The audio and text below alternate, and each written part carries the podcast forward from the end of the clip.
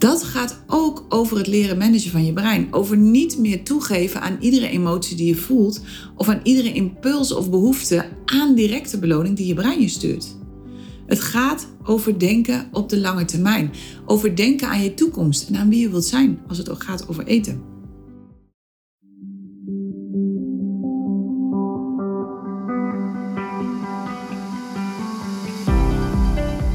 Welkom bij de Eetgeluk Podcast met Eetgeluk-expert Carola van Bemmelen.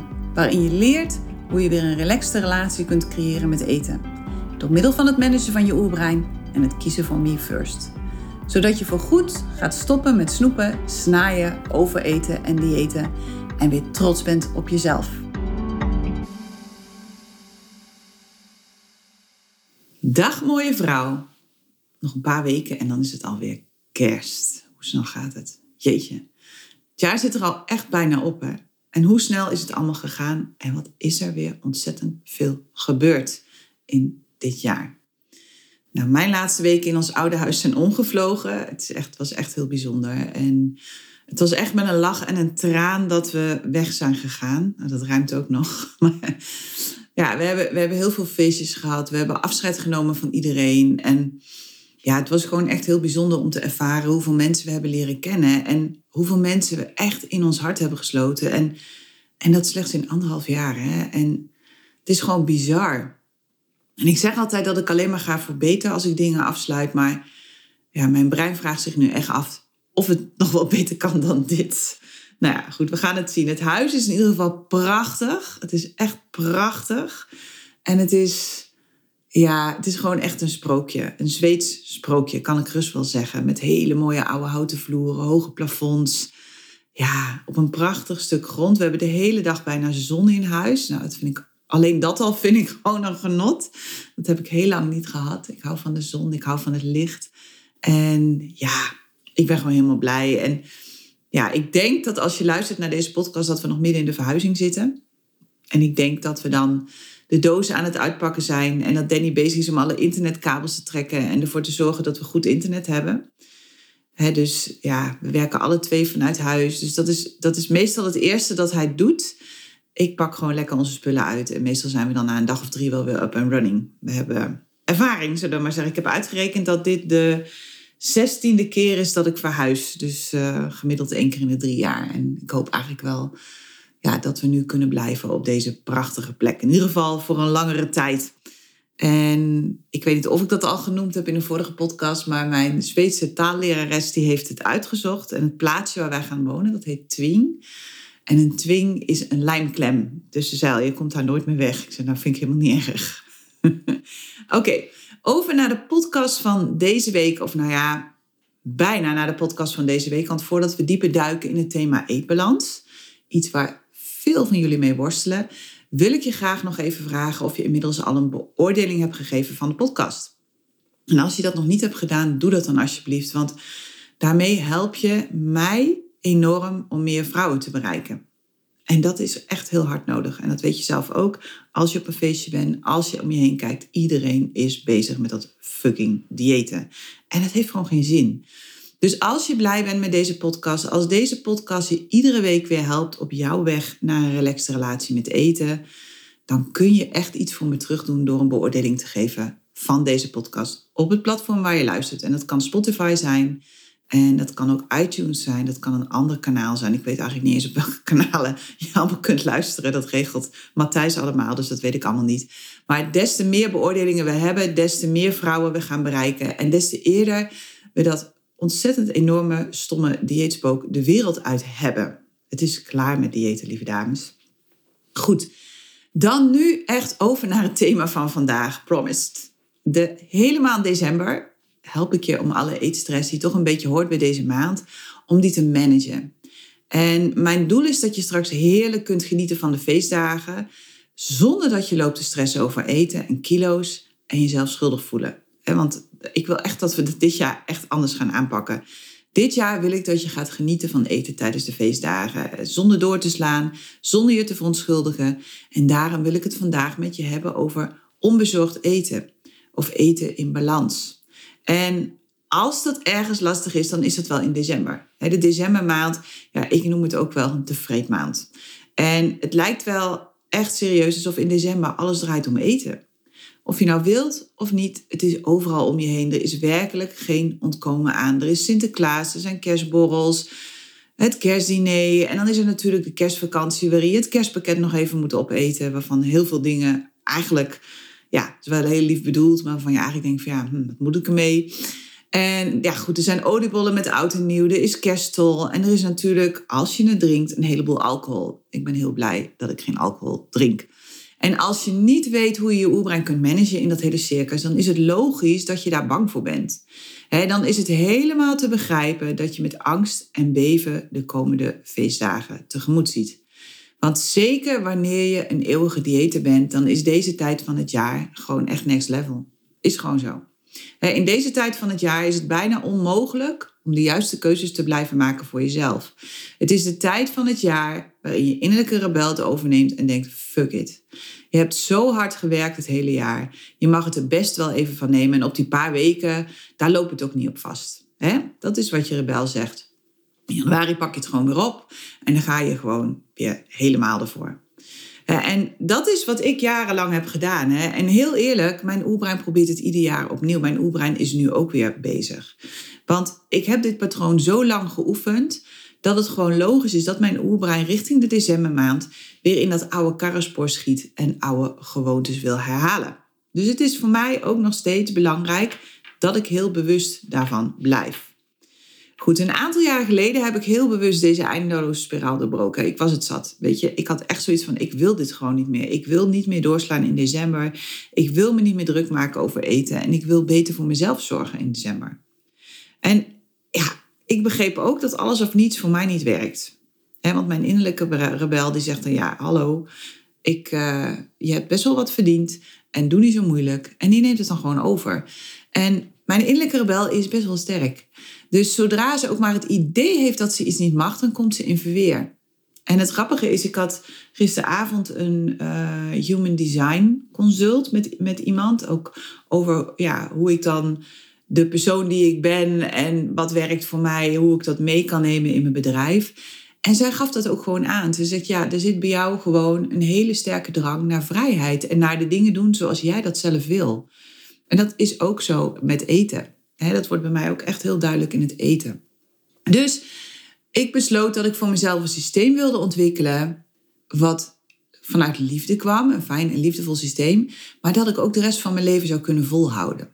waarin ik mezelf waardeerde, maar waarin ik ook eten waardeerde. En ik wilde een eenvoudig systeem, want zoals je weet ben ik een minimalist. En ik hou ervan als dingen eenvoudig zijn. Ik hou van een goede basis. Maar het betekende wel dat ik mijn dieetverslaving moest loslaten. Ik moest dieetgedachten als gezond en ongezond, veel of weinig koolhydraten, maar ook gedachten als er is niet genoeg of het is zonde om weg te gooien, die moest ik los gaan laten. En als ik één ding om me heen zie, dan is het wel dat de meeste vrouwen die een probleem hebben met eten, hun relatie met eten veel te ingewikkeld hebben gemaakt. Ze willen niet meer zoveel met eten bezig zijn en juist daardoor gaan ze van het ene dieet naar het andere. Waardoor ze dus ontzettend veel met eten bezig zijn. ik sprak tijdens de coachsessie van deze week sprak ik een vrouw en ze zei, ja, ze zei, ik denk dat ik wel vijf uur per dag met eten bezig was. Vijf uur per dag, 35 uur in de week. Dat is bijna een complete werkweek, hè? dus ik durf gerust te zeggen dat veel vrouwen geen eetverslaving hebben, maar een dieetverslaving. En ik heb daar ook een podcast over gemaakt. Dus als je zoekt op dieetverslaving, dan denk ik dat hij wel ergens omhoog komt als je daar meer over wilt weten. Dus voor veel vrouwen is diëten hun lifestyle geworden. En iedere keer als er een nieuw, nieuw dieet uitkomt, dan worden ze gewoon helemaal blij. En dan denken ze, oh ja, dit is het. En deze gaat me helpen. En dit gaat me redden. En nu gaat het lukken. En misschien moet ik dit gewoon doen. En als ze dan zien dat een bekende Nederlander enorm veel is afgevallen en haar geheime dieet onthult, meestal zijn dat pillen, poeders of een operatie, dan weten ze niet hoe snel ze dat ook moeten gaan doen. Maar het punt is dat wanneer je dat doet, dat je je kracht weggeeft aan iemand buiten jezelf. En je lichaam wordt misschien dan wel slank, maar je blijft nog steeds dikke gedachten denken.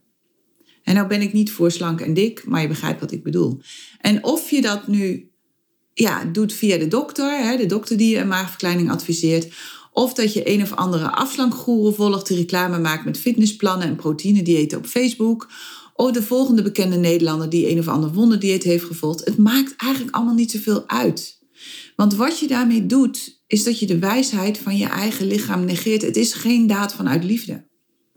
He, want in plaats van dat je leert om je emoties te voelen en om je weer te verbinden met jezelf, blijf je je emoties verdoven met eten of met de hoop van een volgend dieet.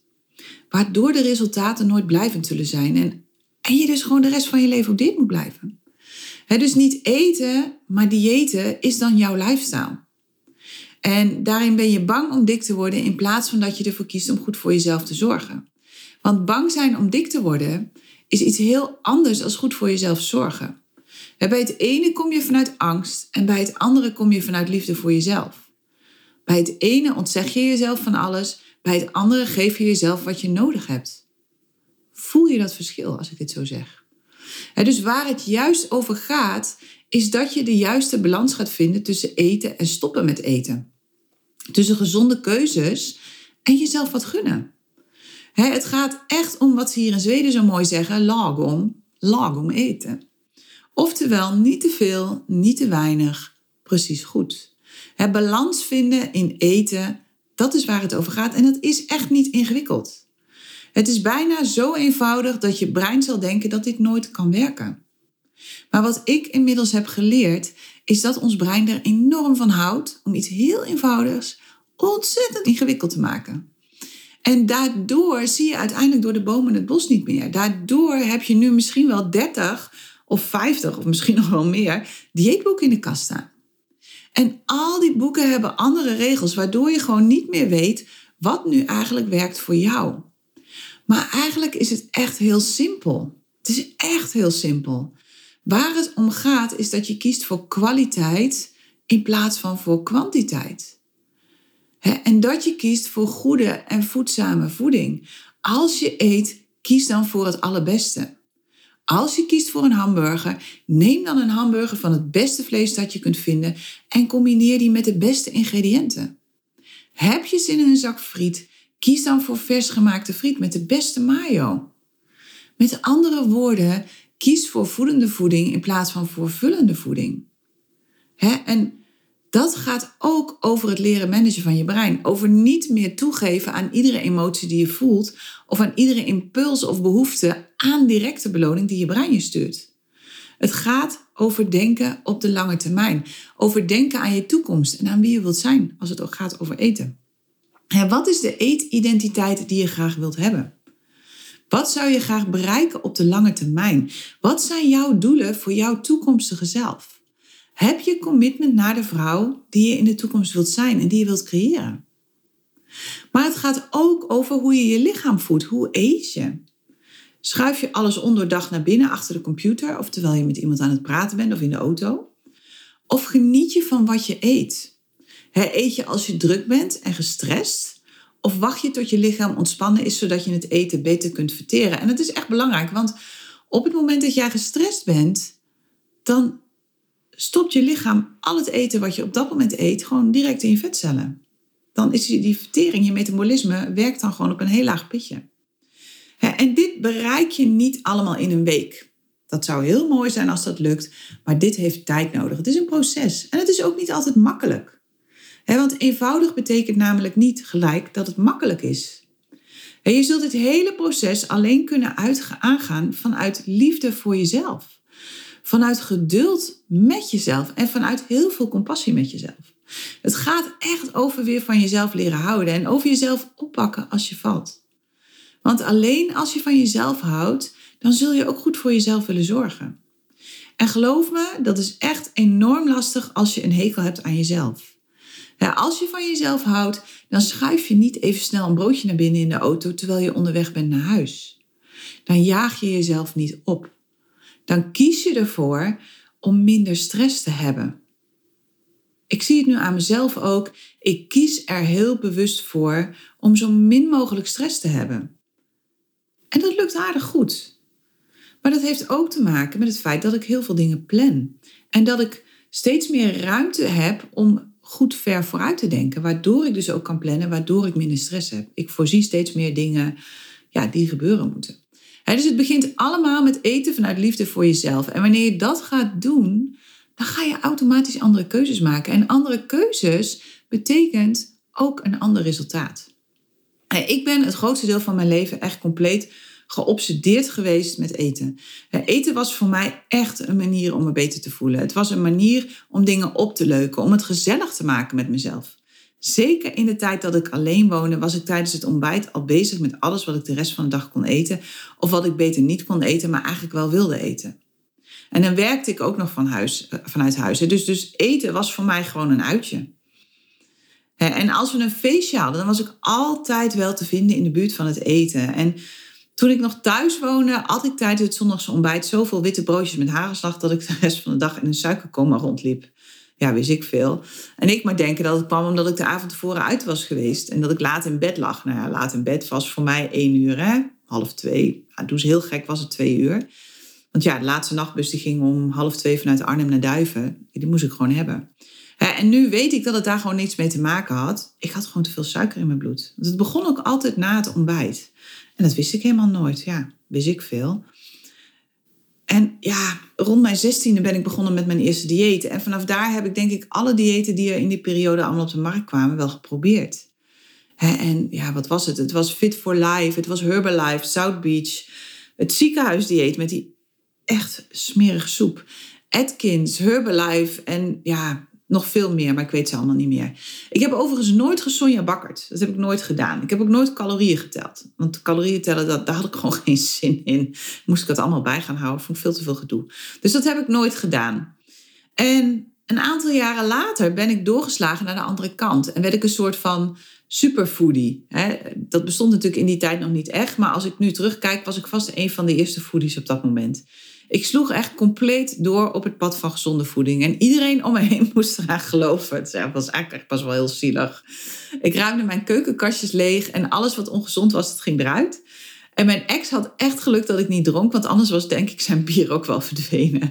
Maar goed, dat heb ik nog laten staan. En weet je, ik maakte smoothies, ik at bergen met salade. Maar ja, ik viel natuurlijk geen gram af, hè? geen gram. En mijn relatie met eten werd steeds gestoorder, werkelijk. Ik kon alleen nog maar denken in gezond en ongezond. En ja, mijn huis was gewoon een paleis vol gezonde voeding. En als ik dan bij mijn schoonouders op bezoek was of bij vriendinnen at, dan, dan at ik daar ook al hun snoep en chocola meteen op. Dus ja, of dat nou echt zo succesvol was, weet ik ook niet. Dus ik was in die periode niet alleen heel lastig naar mezelf, maar ook vooral naar andere mensen. En als ik bij mijn ouders kwam en mijn moeder had gebak gehaald, dan vertelde ik haar gewoon echt hoe slecht dat wel niet was. En in plaats van gewoon nee te zeggen, kreeg ze dan, dat arme mens, een uitgebreide cursus over gezond eten. Nou goed, inmiddels is dat natuurlijk niet meer zo. Inmiddels is eten iets waar ik gewoon enorm van kan genieten, nog steeds. Ik kan uitkijken naar een etentje, maar ik heb daar geen stress meer over. En ik kan stoppen met eten als ik vol zit. Misschien is dat wel het grootste geschenk wat ik heb. Ik kan stoppen met eten als ik vol zit. Ik kan eetimpulsen van mijn brein managen zonder ze te onderdrukken, want daardoor wordt het alleen maar erger. Ik heb de vrijheid die ik heb rondom eten, ja, die heb ik gewoon echt weer terug. En nogmaals, dat is niet van de een op de andere dag gegaan. Dat heeft tijd gekost. Dat heeft niet een jaar gekost, maar meerdere jaren. Zeker wel vijf jaar, misschien zelfs wel tien jaar. En ik zeg ook altijd tegen alle vrouwen die lid worden van de Eetgeluk Universiteit dat ze daarmee moeten rekenen. Dat ze zeker moeten rekenen met vijf jaar. Binnen een jaar kun je echt een hele mooie basis leggen. Maar dat is pas het begin. De echte vrijheid die komt door iedere dag opnieuw de verbinding met jezelf en vooral de liefde voor jezelf te verdiepen. Door iedere dag opnieuw te kiezen voor me first. Door steeds authentieker te worden, door steeds authentieker te leven. En misschien denk je nu dat dit voor jou niet mogelijk is. Dat eten altijd een ding zal blijven in je leven. Maar stel dat je dat verkeerd hebt. Stel dat er een weg is die werkt voor jou en die ervoor zorgt dat je jouw verbinding met jezelf kunt herstellen. Want dat is waar het over gaat. De verbinding met jezelf. Waardoor je jouw liefde voor jezelf weer gaat ervaren en daardoor leert om jezelf te geven wat je echt nodig hebt op al die momenten dat je brein richting de koektrommel wil. Dat is het werk dat we doen in de Eetgeluk Universiteit. Namelijk het herstellen van de verbinding met jezelf. Het terugvinden van de liefde voor jezelf. Zodat je automatisch andere keuzes gaat maken voor jezelf. En daardoor dus andere resultaten gaat behalen. Oké? Goed. Met de feestdagen in het vooruitzicht heb ik drie tips voor je die je de komende tijd kunt gebruiken. En daarna natuurlijk ook. Hè. Dit zijn geen tips alleen maar voor kerst en oud en nieuw. Dit zijn tips die eigenlijk altijd blijven. De eerste tip is om rustiger aan te doen. Om rustiger te eten, maar vooral ook om bewuster te eten. Om niet alles snel naar binnen te schuiven, maar om echt te proeven wat je eet en om te voelen wanneer je genoeg hebt gehad. Het duurt namelijk een half uurtje voordat je brein het zijn ja, ontvangt dat je maag vol zit. Dus geef jezelf de tijd. Als je heel snel eet. Ik, ik doe dat soms wel eens. ik een buffet met heel veel lekkere dingen. En dan denk ik, oh, als ik het nu allemaal binnen een half uur naar binnen eet, dan kan ik heel veel eten. Doe ik natuurlijk niet.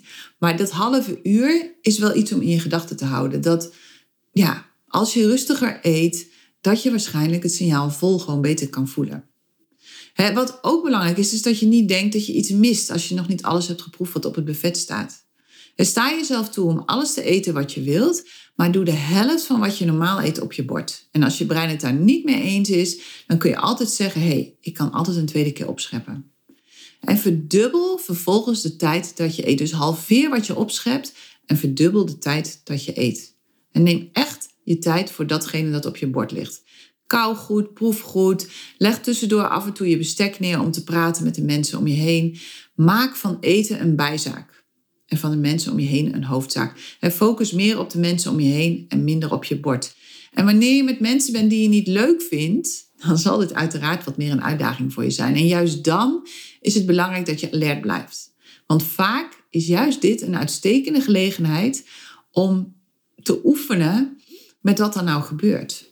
En om emoties te voelen omdat je wilt vermijden dat je met anderen moet praten of om je een houding te geven, zul je waarschijnlijk de neiging hebben om je meer te focussen op eten.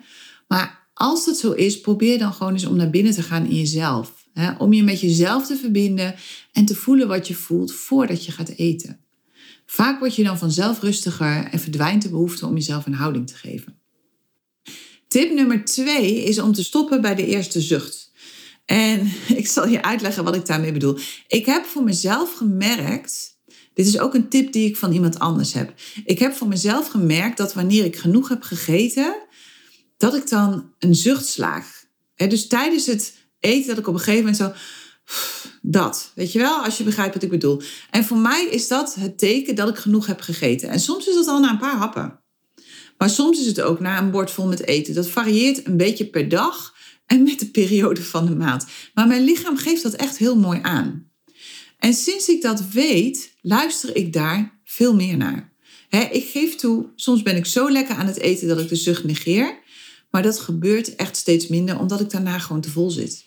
En inmiddels vind ik dat gewoon niet meer fijn, zo super vol zitten. Inmiddels vind ik het veel fijner om na het eten nog wat ruimte en energie over te hebben. Dus ga maar eens kijken. Ik weet niet of jij een zucht hebt of iets anders hebt wat je doet als je vol zit. Maar dat kan helpen om te stoppen. Tip nummer drie, en dat is misschien wel de allerbelangrijkste tip. Deze tip heeft overigens helemaal niets met eten te maken, maar alles met hoe je brein functioneert. En die gaat erover dat ons brein is geprogrammeerd voor plezier en het vermijden van pijn. En als je het meeste plezier in je leven haalt van eten, dan is het logisch dat je wilt blijven eten, zeker tijdens de decembermaand als eten jouw nummer één bron van plezier is, dan is dat waar je oerbrein je naartoe stuurt. Iedere keer opnieuw. En wanneer dat het geval is, wanneer je denkt dat jouw leven zonder eten niet leuk is, dat wanneer je eten weg zou halen uit je leven, dat je leven dan voorbij is, dan heb je waarschijnlijk van eten jouw primaire bron van plezier gemaakt. En in dat geval is het heel belangrijk dat je jouw plezier van andere dingen gaat halen. Dat je eten gaat associëren met pijn, omdat het ervoor zorgt dat je te veel eet en dat je ongezond wordt en niet meer lekker in je vel zit. Omdat het je energie kost en het je niet vervult. Het vervuilt, maar het vervult niet.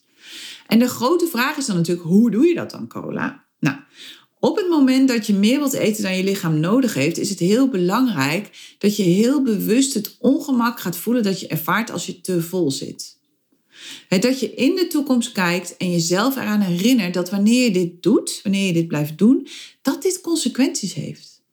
Maak het pijnlijk voor je om in deze toekomst te kijken. En een vrouw te zien die zichzelf niet onder controle heeft. een vrouw die constant aan het overeten is, die haar lichaam negeert en die zichzelf gevangen houdt in de dieetspiraal en daar gewoon niet uitkomt. Als je dit doet, dan zal je brein je zo snel mogelijk van pijn naar plezier willen hebben. En op dat moment is het belangrijk dat je andere plezierbronnen hebt dan eten. Wat zijn andere dingen die je kunt doen en die je plezier geven? dus maak eens een lijst voor jezelf van al die dingen die je kunt doen in plaats van eten die ook fijn zijn. En die niet ingewikkeld zijn, waarvoor je niet het huis uit hoeft, waarvoor je niet allerlei spullen hoeft te kopen, maar die je gewoon instant nu kunt doen. En voor de meeste mensen is eten natuurlijk een belangrijke bron van plezier. En tv kijken natuurlijk ook. Maar ook eten voor de tv. Dat is voor veel mensen de ultieme bron natuurlijk. Maar er is nog zoveel meer. Je kunt bijvoorbeeld naar buiten gaan voor een wandeling. Je kunt een spelletje gaan spelen. Je kunt een goed boek lezen. Wat voor mij altijd heel lekker werkt, is vreubelen aan een haak of een breiwerk of een diamond painting. En wat je ook nog kunt doen, eventueel, is een rondje rijden in de auto. Nou, nu zullen niet alle mensen daar heel erg blij mee zijn dat ik dit advies geef, maar dat maakt niet uit. Weet je, waar het om gaat, is dat je in beweging komt, dat je wat anders gaat doen dan wat je gewend bent om te doen. En je zult je brein moeten trainen, net zoals dat je een hond traint. Iedere keer als het je richting eten stuurt, zul je het heel actief naar wat anders moeten sturen. En dat kost tijd. En het kost bewustwording. En dat zijn twee dingen die we vaak tijdens de feestdagen niet hebben, omdat er zoveel andere impulsen zijn en omdat er zoveel afleiding is, omdat er zoveel emoties zijn. dus oefen dit van tevoren. Maak een plan voor plezier. Haal plezier uit goed voor jezelf zorgen, zodat je trots kunt zijn op jezelf. want zolang je jouw plezier haalt uit eten, dan zul je blijven eten op al die momenten dat je behoefte hebt aan plezier. Doe een dansje. Ga ontdekken voor jezelf waar jij blij van wordt. Dat is het proces dat we doen in de universiteit. En dat is het werk dat nodig is om weer een gezonde en fijne relatie te creëren met eten. Want jouw relatie met eten is eigenlijk gewoon het verlengde van jouw relatie met jezelf. Wat je doet met eten, doe je ook naar jezelf. En als je nu denkt van, hé, hey, dit is wat ik wil gaan doen. Dit is mijn thema voor 2024. Of dat is waar ik mee wil starten in het nieuwe jaar. Doe dan mee met de Stop met Snijden Challenge die start in januari. En deze challenge maakt onderdeel uit van de eetgelukmethode. En de eetgelukmethode leer je in de Eetgeluk Universiteit. En normaal gesproken is de challenge daarom alleen toegankelijk voor leden van de universiteit. Maar ieder jaar in januari kun je ook als niet-lid meedoen. En dit is echt een hele mooie en laagdrempelige manier om kennis te maken met alles wat we doen in de Unie. En voor jezelf te kijken en te ervaren wat dit werk voor je doet dus als je twijfelt, als je denkt van ja, hmm, ga ik dit doen, wil ik dit wel? Ja, ik denk wel dat het, dat het wat voor me is, maar ja, uh, ik heb al zoveel gedaan. Nou ja, goed, we kennen het allemaal. Dan is deze challenge een prachtige manier om het verder te onderzoeken. Je kunt je de hele maand december aanmelden voor de challenge. En wat heel mooi is, is de eerder je je aanmeldt, des te langer je tijd hebt om je voor te bereiden. We starten op maandag 8 januari. En als je wil, kun je je nu al aanmelden. De aanmelding is geopend. Dus als je meer wilt weten, ga dan naar degelukkigeeter.nl en daar vind je alle informatie en kun je je aanmelden. En ja, mijn advies aan jou is om deze drie tips hè, die ik net heb genoemd mee te nemen de komende maand en te gaan oefenen voor jezelf. En ga ook de Stop met Snijden Challenge onderzoeken. Ga kijken of dat iets voor je is. Maar bovenal kies ervoor om ontzettend van jezelf te houden tijdens de komende feestdagen. Om mild te zijn naar jezelf, om compassie te hebben met jezelf. En om alles, alles, alles, ja, bij alles wat nog echt niet helemaal gaat zoals je wilt, te denken: ooit gaat het me lukken. Want ooit gaat het je lukken. Het is mij ook gelukt. En ik dacht ook dat ik een hopeloos geval was. Oké? Goed, ik wens je een hele fijne week. Ga de Stop met Snijden Challenge onderzoeken voor jezelf. En dan hoor ik je volgende, of je hoort mij volgende week weer. Tot dan.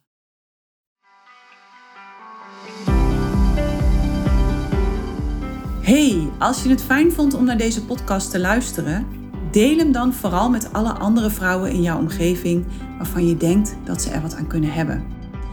En help me door een recensie achter te laten op het platform waarop je luistert. Laten we er samen voor gaan zorgen dat de huidige dieetmaatschappij gaat stoppen. Want dat is echt heel hard nodig. Wil je dat doen voor me? Ik reken op je.